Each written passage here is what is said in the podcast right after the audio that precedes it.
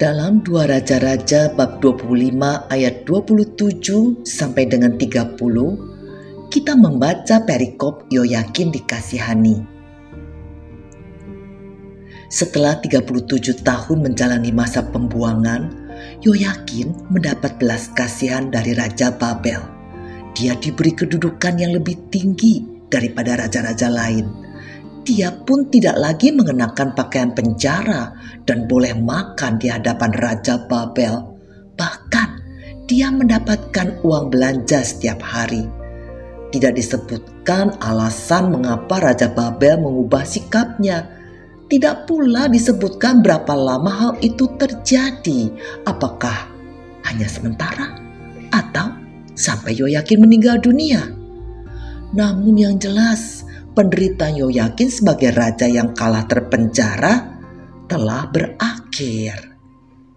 Kiranya demikian juga kita bisa memandang kehidupan kita.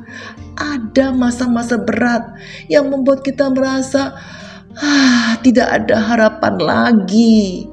Ada pula kejadian-kejadian buruk yang membuat kita merasa tak berharga lagi.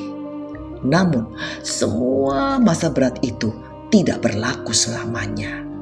Tidak selamanya hidup akan berduka. Tidak ada penderitaan tanpa akhir.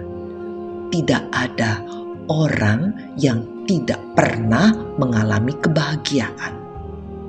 Hidup selalu memiliki masanya sendiri, baik suka maupun duka, baik ringan maupun berat. Kalau makanan ada waktu kedaluarsanya.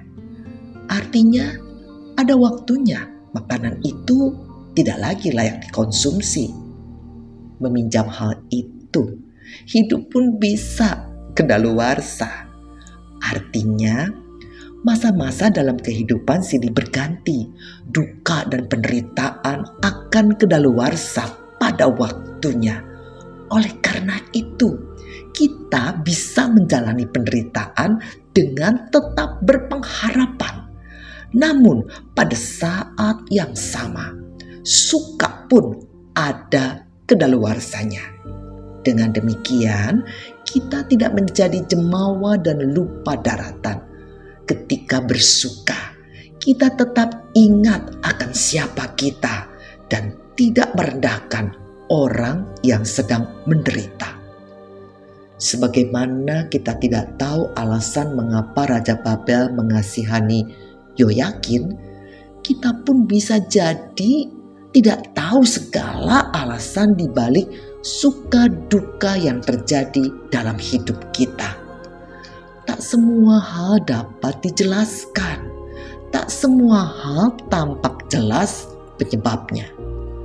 Maka kita harus siap untuk menerima suka dan duka, ringan dan berat yang silih berganti datang dalam hidup hingga masa kedaluarsanya.